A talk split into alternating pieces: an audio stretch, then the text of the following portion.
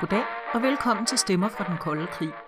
Jeg hedder Iben Bjørnsson, og jeg sidder her under jorden sammen med Klintekongen. Dagens stemme tilhører Hans Werner Poulsen.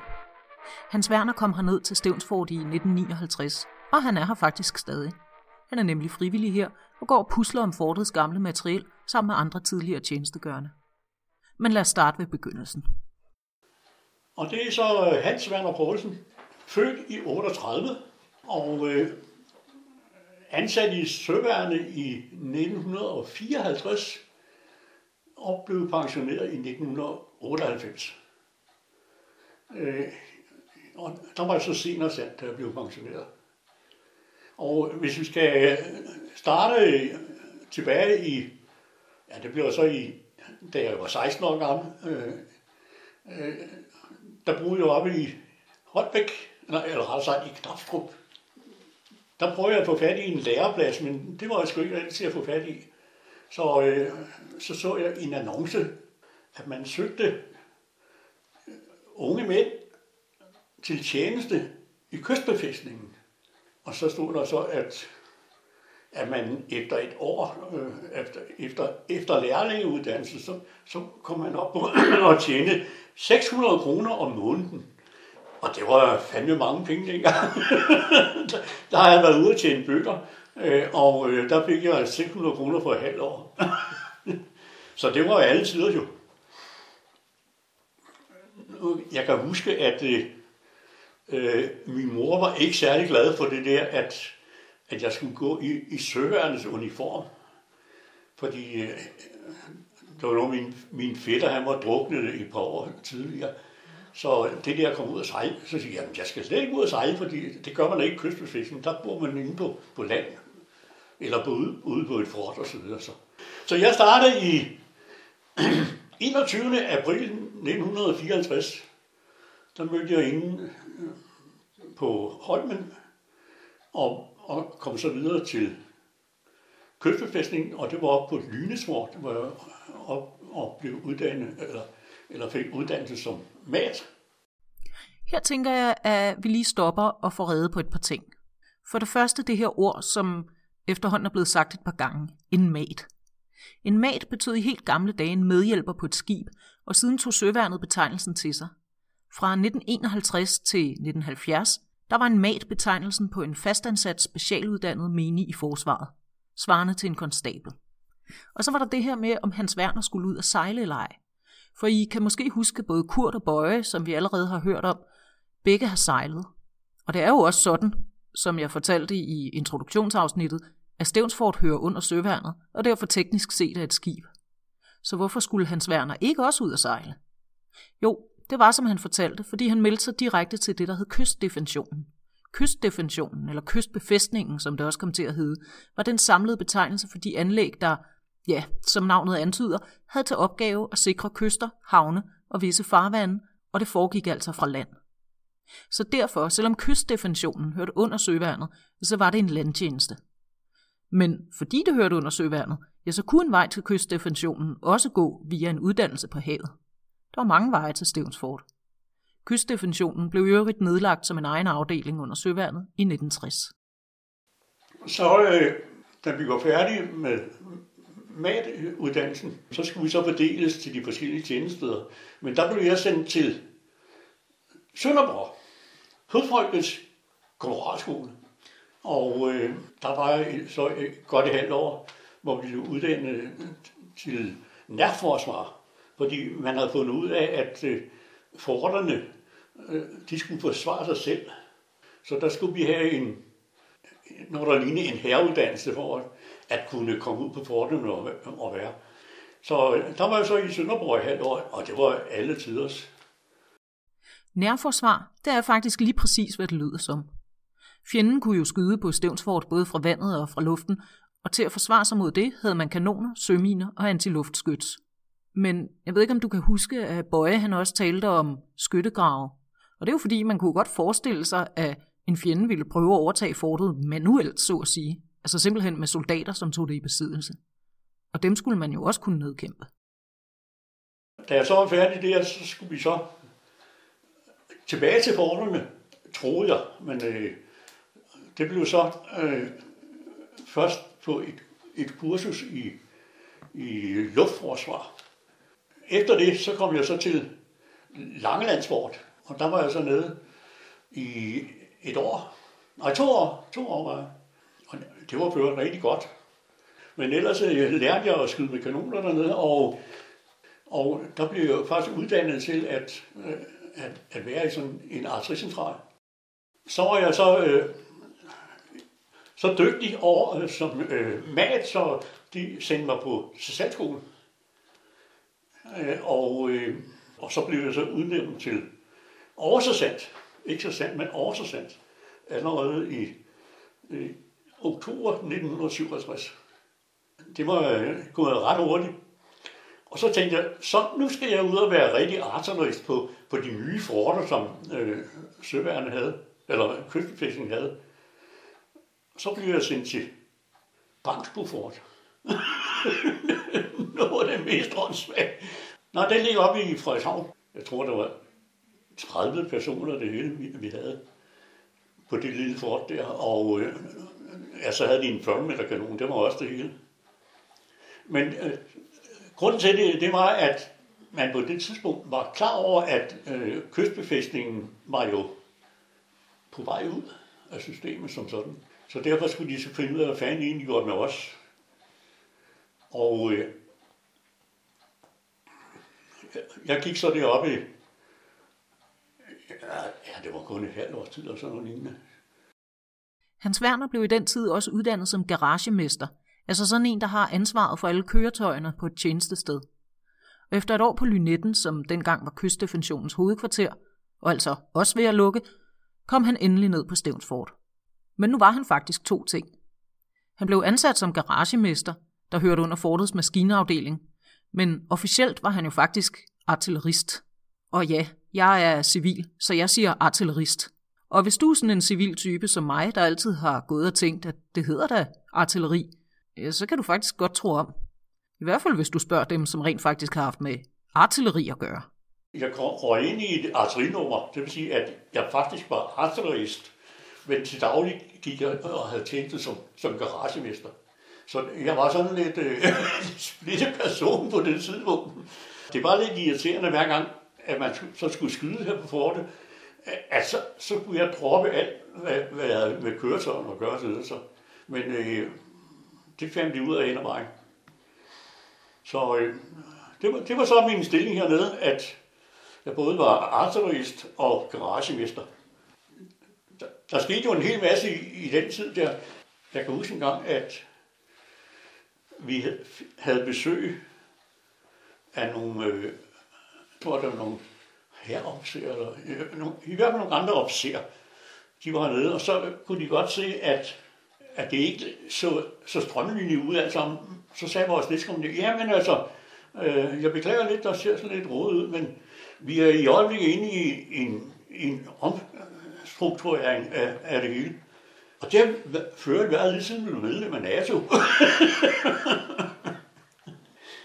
og det var ikke engang løgn. Han var faktisk også en sviptur til Grønland på den danske base Grønnedal. Jo, så var der så lige i 1967, øh, stod de og manglede en, en, en garage, eller altså en maskinmand øh, man havde forstand på køretøjer til Grønnedal. Og øh, så jeg blev sendt derop og var et år op i, i Grønnedal, som leder af autoværkstedet deroppe. Og øh, det havde jeg heller ikke forstand på, men det kunne man jo det få. Kunne få ja. Jamen altså, det var egentlig et, et officersjob, øh, men øh, øh, det havde man altså ikke råd til at, at sende en officer op til at sidde og styre det autoværksted. Så jeg måtte finde ud af, hvordan fanden man egentlig eller, øh, reparere forskellige køretøjer. Og jeg havde en hel stak bøger der, så skulle jeg finde ud af, hvordan man får, får dele hjem og så videre. Og det, det var da meget lærerigt. så øh, øh, på et tidspunkt, der kunne jeg faktisk øh, finde ud af, hvordan en dip det var indrettet, og hvorfor de alle sammen havde den samme fejl. jeg synes, det var rigtig skægt, og øh, øh det var et rigtig godt sted at være. Nu har jeg altid været sådan lidt lidt vild med natur, så øh, kom på ture det var alle sider. Så øh, jeg vil sige, det, det var ikke, en, det var ikke spildtid at være deroppe. Det var, det var rigtig godt. Øh, efter et år i, i Grønnedal, så kom jeg herned igen, og der blev jeg så udnævnt til, til seniorassistent. Og så har jeg faktisk gået og, og ladet rundt lige siden hernede. Hans Werner var jo så altså både garagemester og artillerist. Garagemester var hans hverdagsjob, men hans krigspost, som det hed, var først på 40 mm kanonerne og siden i artillericentralen. Det ændrede sig også, fordi maskinafdelingen, som garagemester hørte under, de havde også en anden funktion, som i princippet var ret vigtig. Maskinafdelingen, det, det kommer så senere til teknisk afdeling, men altså maskinafdelingen der, de havde også et, et andet, en anden opgave, og det var at sørge for øh, ABC-beskyttelse. Og øh, det fandt man ud af, at, at øh, det, det var jeg nok egnet til, fordi, ikke fordi, øh, at jeg havde forstand på det, men fordi, øh, at der skulle man bruge en, en der havde lidt befalingsstemme til at kommandere rundt med, når der skulle tage gasmærke på. Så derfor kom jeg også på øh, sådan et ABC-kursus der, og blev uddannet øh, til det. Og øh, så blev jeg så flyttet over til, øh, i stedet for at, at være artillerist, så blev jeg så til at være øh, lederen af ABC-afdelingen. Så, så derfor kender jeg faktisk forholdet hernede, helt nede i små detaljer med hensyn til ventilation og øh, med sikring mod, mod gasangreb osv. Det må jeg faktisk ved at være ekspert i på et tidspunkt. ABC, den gamle betegnelse, som står for Atomic, Biological and Chemical, altså atomare, biologiske og kemiske våben. Det er det, vi også kalder masseødelæggelsesvåben. Det vil sige, at det blev faktisk hans Werners opgave at beskytte fortet og alle, der var nede i det, mod atomart nedfald og gasangreb, hvis krigen kom. Eller, som hans Werner udtrykker det, hvis ballonen gik op. Problemet med det var bare, at fordi hans Werner kendte den del af fortet, så kom han også til at vide, at det ville blive temmelig svært. Vi får altid at vide, at, at Stævns fort var atomsikkert. Ja, ja. Var det det? Nej da. Øh, det var atomsikkert, dengang man byggede det. I 53? I, ja, ja. Øh, hvis, hvis man ved et større våben end den der standard 20 kiloton, som man snakker om fra, fra Hiroshima, øh, Øh, hvis man gik op i størrelse, så var det ikke sikkert nok. Så kunne man sagtens slå hul ned. Og øh, sikring mod radioaktiv nedfald, det arbejdede vi meget med, og øh, jeg vil sige, der var visse problemer der, fordi der skulle man jo gerne kunne spore, hvad der kommer ned, og hvad gør man ved det? Øh, og hvis det kommer ned i ens filtre, hvad gør man så?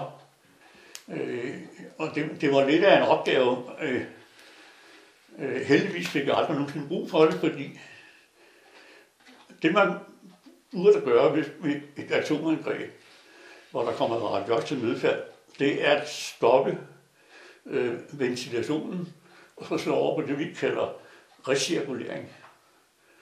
Øh, og hvis ikke man får gjort det, så får man en helvedes masse lort i, i filtrene. Øh, og så er spørgsmålet så, hvis man gør det, så skal man gerne have nogle reservefiltre.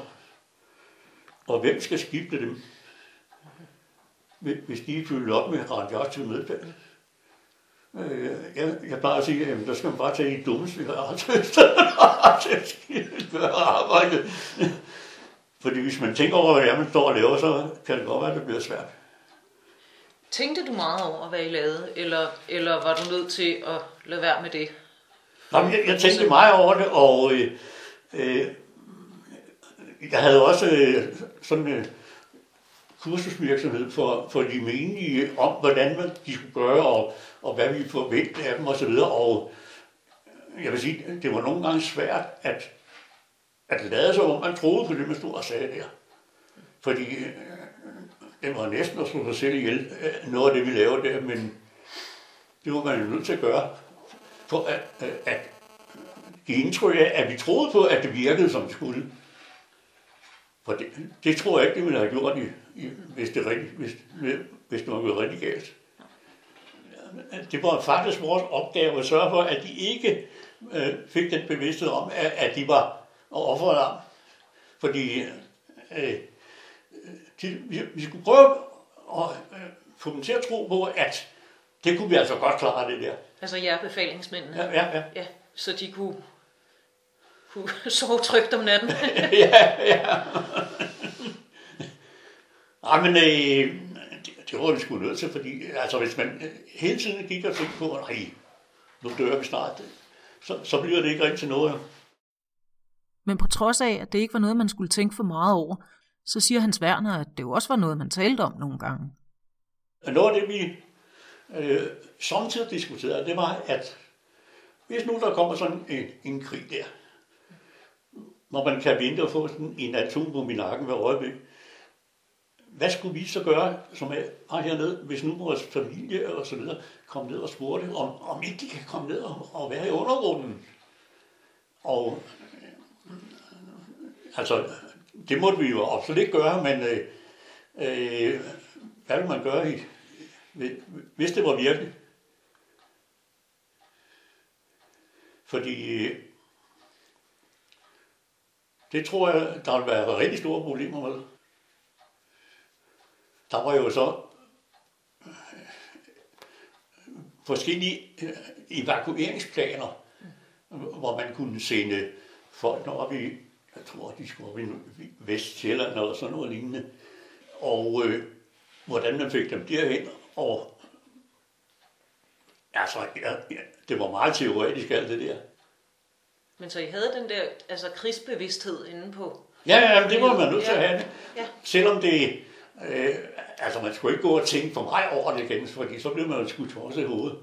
Vi var da alle sammen sikre på, at hvis ballon gik op, og der gik øh, 3 gange 24 timer, så var vi døde alle sammen.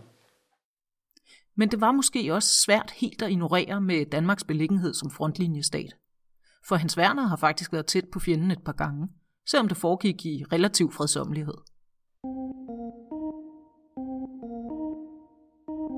En episode skete, da Hans Werner var under uddannelse som artillerist på Langelandsfortet, og de skulle skyde med krigsladning, det vil sige med skarpt.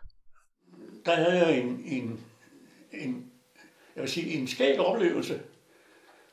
Bagefter kan man sige, at altså, det var godt, det ikke gik værre.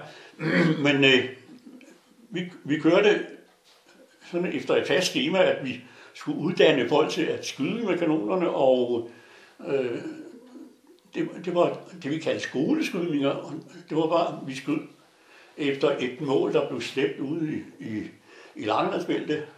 Og øh, det gik ganske udmærket, og efterhånden så var vi rigtig, rigtig gode til det. Da vi så havde skudt, jeg tror, der var nogle af fire skud, vi var på, så skulle vi lige slutte af med at skyde tre øh, krigsladninger og krigsgranater. Og øh, det kunne vi ikke skyde mod skiven, så derfor øh, gjorde man det, at, at øh, slæbefartøjet, det lærte som en sikkerhedsafstand, eller på sikkerhedsafstand, og så sigtede vi mod et, et toppunkt ude i 10 km ud, og øh, jeg sad ved det, der hedder nedsatsgruppe, det der står sådan lidt masse i det, der står nede i Arstristenrønden. Og øh, der sagde jeg så, at skulle tage nedsagen, når de skød. Fordi der, der kommer der et rigtig fint ekko derude. Et nedslagsskop. Jeg ved ikke, om I kan huske det. Bøje fortalte faktisk om det i sidste afsnit. Det var sådan et aggregat til at se præcis, hvor man ramte i forhold til, hvor man skulle ramme, så man hurtigere kunne justere sig ind på målet. Nedslagsskopet fik også sine informationer fra en radar. Der meldte jeg så op, at der er altså et ekko, et lille ekko ude i nedslagsområdet. Og så var de nødt til at stoppe. Og så var de op og kigge, og øh, vores senere chef, øh, han var op og kigge i den store kigger og kom tilbage med, ja, der er ikke noget mål ude. Der er, der er en flok æderfugle, men ja, jeg siger, det kan ikke være æderfugle. men øh, de blev så enige om, at, at der, det var nok bare øh, radaren, der, der lavede et eller andet mærkeligt øh, nummer med dem. Så, øh, så gik vi tilbage, og så blev der beordret skud og, og så blev der skudt, og, og den ramte næsten lige i centrum. Der kom et rigtig stort ekko. Og så lige ud, så siger jeg, hvad fanden er det? Kom der et ekko mere fra 100 meter derfra. Og det var altså, viste sig, at det var en russisk ubåd, der havde ligget lige der, hvor vi skød. Den kom altså op til overfladen, og så sejlede den hjem i retning af Kaliningrad, og fanden skulle jeg skulle jeg og vi holdt en meget lang pause, til den var helt ude af horisonten, inden vi skød næste to skud, eller de to sidste skud. Jeg ved ikke, hvad der er sket med cigaretten, men at altså, de har formentlig troet, at, at vi var nogle af de rigtig braske, som jagede ham væk ved at skyde.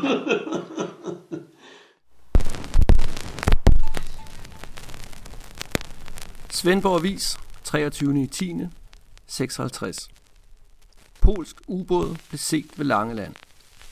Langelandsbæltet er international farvand, og sandsynligvis har ubåden været på vej til Storebælt og Kalgat, hvorefter den senere vil vende tilbage til sit hjemland bag jerntæppet. Der er tidligere observeret såvel russiske som polske krigsfartøjer fra Langeland.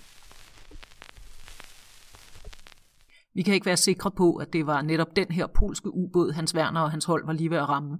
For som artiklen siger, var det ikke usædvanligt eller ulovligt at se krigsfartøjer på de kanter. En anden episode, Hans Werner var ude for, skete engang i 70'erne. I kan godt huske de der skibe, vi har talt om i sidste afsnit, som sjovt nok altid gik i stå uden for fortet, ikke? Jeg kan for eksempel fortælle en gang, at jeg starter om morgenen over fra, fra kasernen, og så skulle jeg herned til tjeneste, og så, da jeg gik sammen med en af de andre øh, hernede, og sige, hvad fanden er det for nogle mærkelige master, der er derude?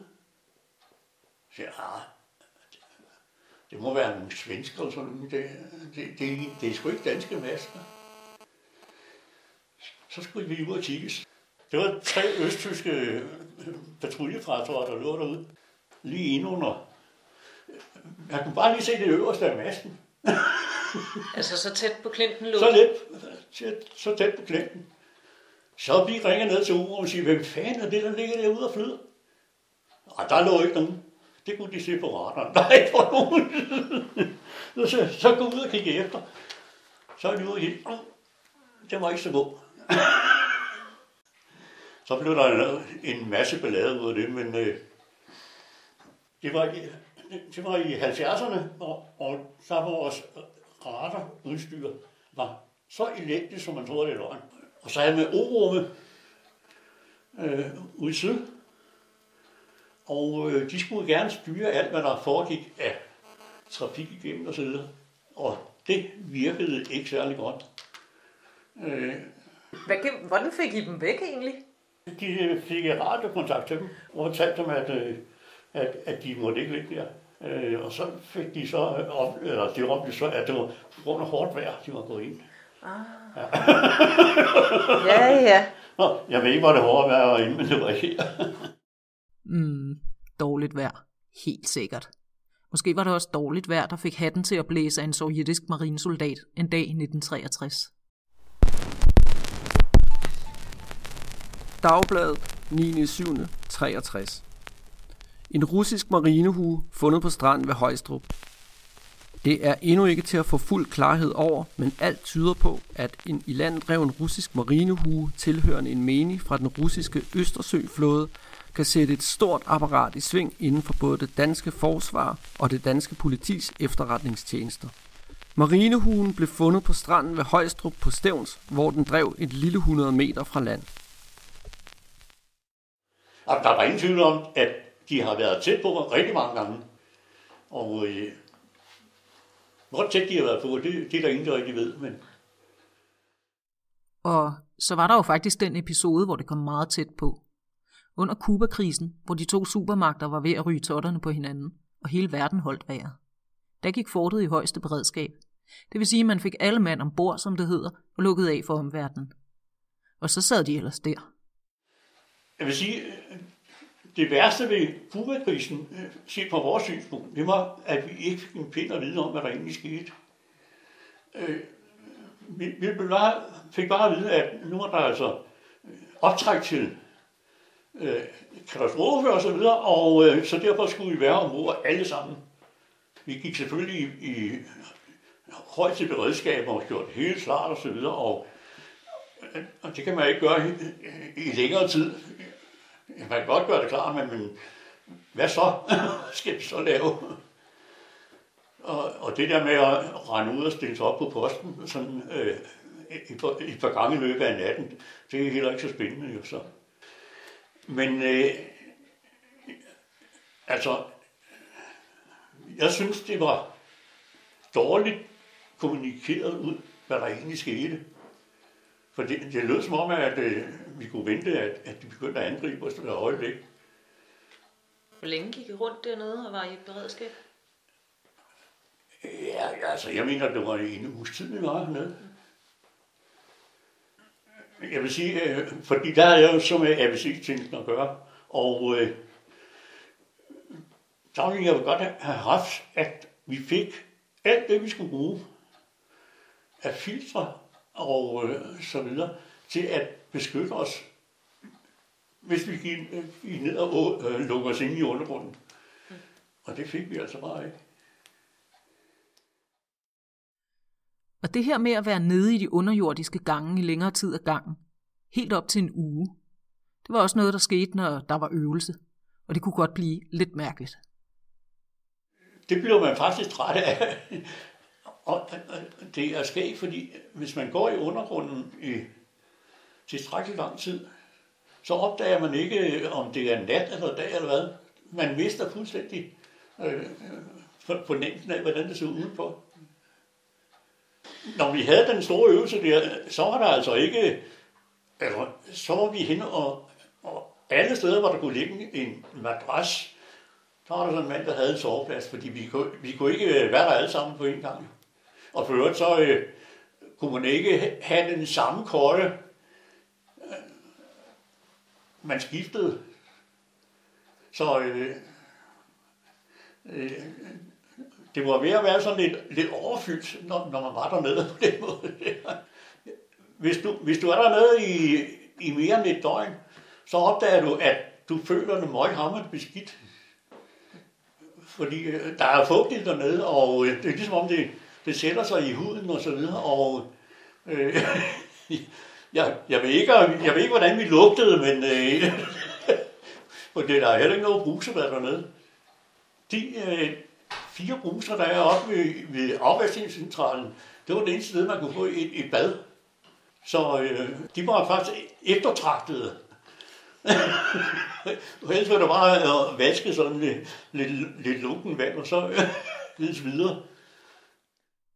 Og så var der det med maden. I starten fragtede man mad ned i undergrunden op fra kasernen, men det kunne man jo dårligt gøre, når alle mand var ombord. Vi får højt beredskab. Der var det altså noget rigtig skidt. Der, der prøvede man forskellige ting. Op i Revgang Nord, der fik man sat et par øh, hvad det, kogekar op, og øh, så laver man mad derude, og ja, altså, ja, det burde da godt spises, men det var ikke det allerbedste. Og, og i, i den situation, der, der er mad, det er jo noget af det vigtigste.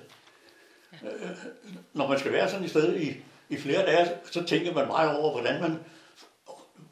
Altså, øh, vi havde en, en officer, han øh, sagde, at man skulle sørge for de tre S'er. Og det var, hvor man skulle spise, hvor man skulle sove, og hvor man skulle skide. ja, det er faktisk og hvis ikke, også... hvis ikke det virker, så, så virker Det er rigtigt, så er der ikke noget, der virker. det er fuldstændig rigtigt. Så, øh, men øh, okay, det var da meget skægt at prøve. Øh, jeg tror ikke, det har været godt i længere tid, men øh, man prøvede forskellige måder det der med at lave mad dernede, og det var ikke godt. Det var det sgu ikke. Og det blev aldrig noget godt. De har problemer med maden. Det fortalte Kurt Petersen faktisk også om. Se, der skete det, at forsvaret gik over til, øh, hvad det, kampbespisning, hvor vi fik enmands portioner.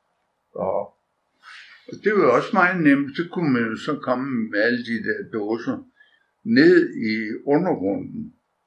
Ah, kan man ikke have, at når vi var dernede med fuld krigsbesætning, så skulle vi kunne være 400 mand dernede. Og så siger vi, at vi bespiser enten kvarter eller kongens kvarter. Det vil sige, så må de alle sammen tage fire stykker blik sammen, lægge en sprittablet, og så varme deres dåse.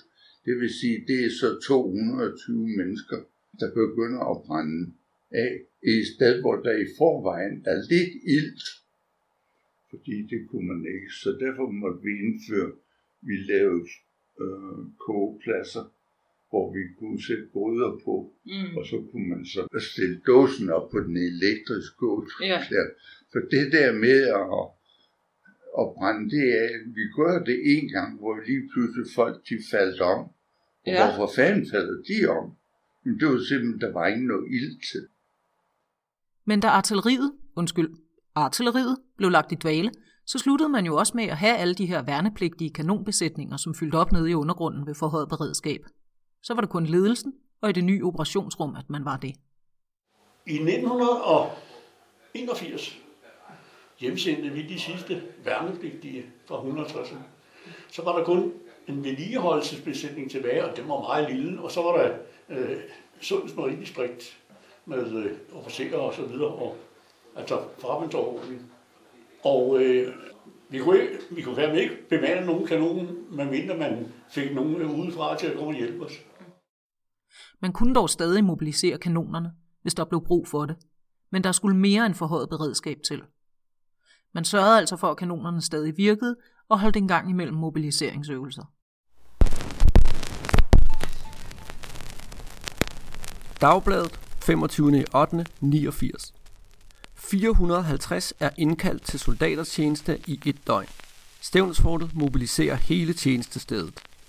Den 29. august kl. 12 skal 450 tidligere værnepligtige fra Stævnsfort møde til mobilisering i Stævnshallen i Storheding.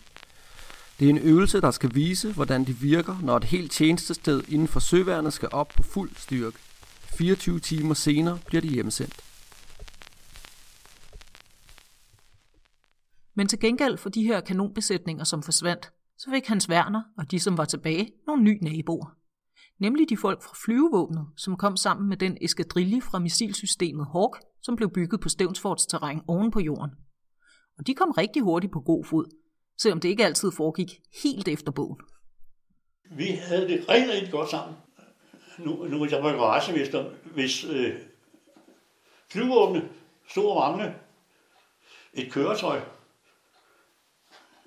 alle dem, de havde, det var nogle kæmpe store nogen, som kunne trække rundt med, med raketter osv. Så, så hvis de lige stod og manglede et, et lille køretøj, der skulle køre op til, til Værløs eller sådan noget, så kunne de så låne det hos mig.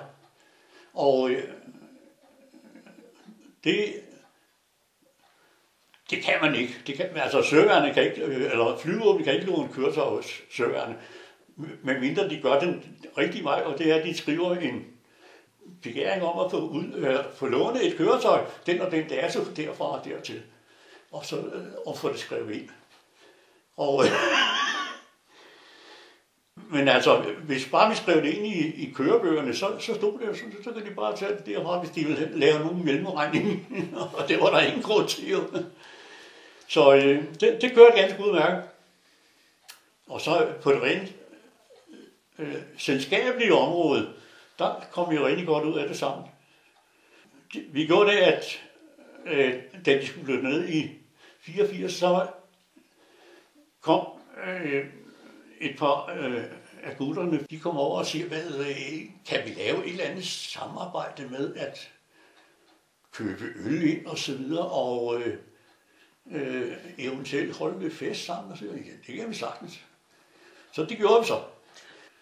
Og så fik vi fat i en hel masse sild, og så serverede vi kogt sild og fedtevader. og øh, det, det er faktisk sådan en, en ret speciel øh, måde at spise sild her. Flyverne kigger lidt på dem, og,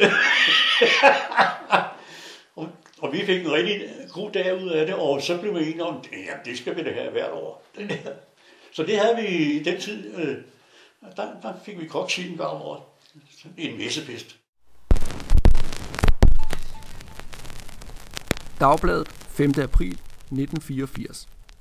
Søværn og flyvevåben gør fælles front på Stævns. For første gang i forsvarets historie lever to værn nu i næsten bogstaveligste forstand under samme tag. Hidtil har her, flåde og flyvevåben haft deres egne forlægninger, men fra nu af er afdelingen af søværn og flyvevåben integreret på det samme område, nemlig på Stævnsfort. I disse dage er Hawk Eskadrille 541 rykket ind på Stævnsforts område med omkring 100 mand, og de blev i går ved en parade på garnisonsområdet budt velkommen af chefen for Sundets Marinedistrikt og Stævnsfort kommandørkaptajn Paul Garde. Og faktisk, så var det netop Hawkfolkene, som Hans Werner var sammen med, den dag de fandt ud af, at det hele var slut. Det var under nogle meget dramatiske dage i august 1991, hvor de gamle kommunister forsøgte at lave et kup mod Gorbachev, og Boris Yeltsin, der siden blev Ruslands præsident, han fik det stoppet, og der er et ikonisk billede af ham, hvor han bestiger en kampvogn. Sovjetunionen ophørte først officielt med at eksistere i december 1991, men den sommer stod det klart for alle, at den dage var talte. Da Sovjetunionen brød sammen, og jeg altså, vi kommer rigtig meget sammen med, forsøgerne kommer meget, rigtig meget sammen med, med flyvåbne. Og i deres messe, og de kom i vores messe og så videre. Og øh, der var vi faktisk oppe, da vi hørte, at det var det tidspunkt, hvor Boris Jeltsin var oppe og hoppe på, på kampvognen, og øh, så blev vi alle sammen enige om, nu er Sovjetunionen vurderet sammen. Og så var der en, der sagde, ja, vi vandt. så lige pludselig så kom vi til at kigge på hinanden og sige, hvad fanden skal vi så lave i morgen? og det var, det var der sådan set noget om det der med, ja, nå, ja, vi er bare.